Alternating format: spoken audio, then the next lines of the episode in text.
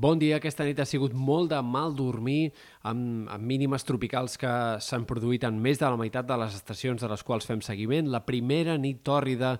al centre de Barcelona, 26 graus de mínima, la més prematura des que es recullen dades, fins i tot més prematura que la del 2017, que va arribar també molt d'hora, el 17 de juny. El dia ha començat amb temperatures 7 o 8 graus més altes que no pas ahir en punts de la Catalunya central, sectors de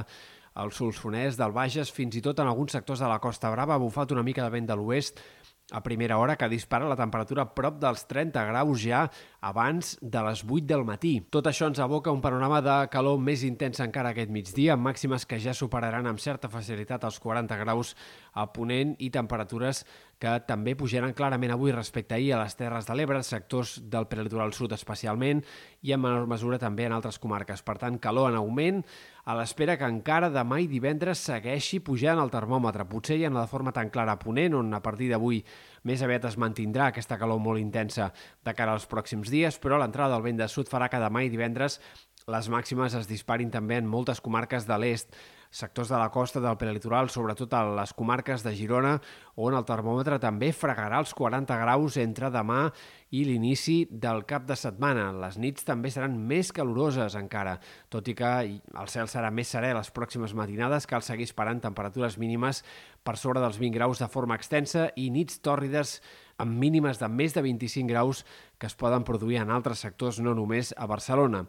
El cap de setmana començaria a baixar lleugerament el termòmetre, com a mínim respecte als valors de dijous i divendres, però la calor encara seria molt intensa i, de fet, diumenge encara pot haver-hi màximes per sobre dels 35 graus a Ponent i fins i tot a tocar també dels 40 graus si entra el vent de sud en algunes comarques de Girona. Per tant, calor encara molt intensa al cap de setmana. I a partir d'aquí, bastantes incògnites. Eh, com s'acabarà l'onada de calor és poc clar encara a hores d'ara. És possible una baixada de les temperatures contundent la setmana que ve, però també és possible un repunt del termòmetre i eh, una altra, per tant, situació de temperatures de 40 graus a ponent de cara a la pròxima setmana. Eh, el més probable és que la temperatura baixi eh, sensiblement i que tinguem un ambient de ple estiu amb una calor intensa però no tan forta com la d'aquests últims dies, però insistim que hi ha molts escenaris oberts i que hi ha molta variabilitat en, la, en el ventall de possibilitats del temps de la setmana que ve i caldrà esperar per precisar encara sobre això. Pel que fa a l'estat del cel, hem d'esperar que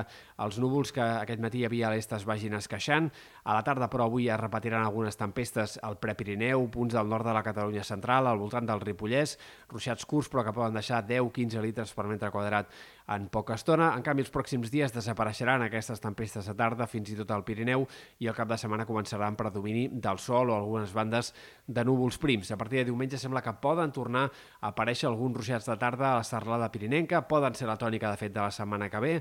eh, però és poc eh, probable que aquesta situació de ruixats que pugui haver-hi al Pirineu s'extengui a gaires comarques de cara a la pròxima setmana. En tot cas, encara és poc clar el pronòstic en aquest sentit.